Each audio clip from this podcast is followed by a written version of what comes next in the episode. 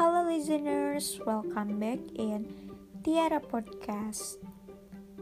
And today, in this podcast, I would like to share about human resource management. What is human resource management? HRM is the practice of managing people to achieve better performance. For example, if you hire people into a business, you are looking for people who fit the company culture as they will be happier, stay longer, and be more productive than people who won't fit into the company culture. And the next question is Who are these human resources?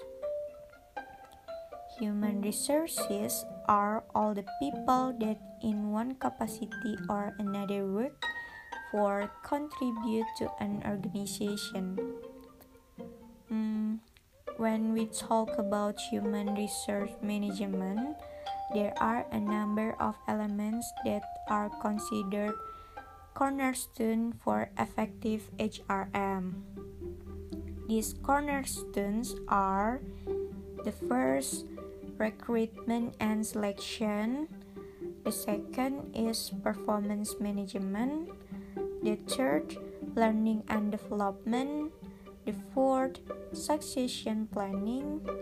The fifth, compensation and benefits. The sixth, human resources information system. And the last is HR data and analytics.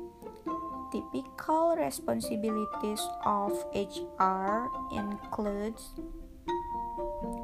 recruiting, training, and developing staff, making sure that staff get paid correctly and on time, looking for after the health, safety, and welfare of all employees organizing staff training session and activities, monitoring staff performance and attendance, and as extract.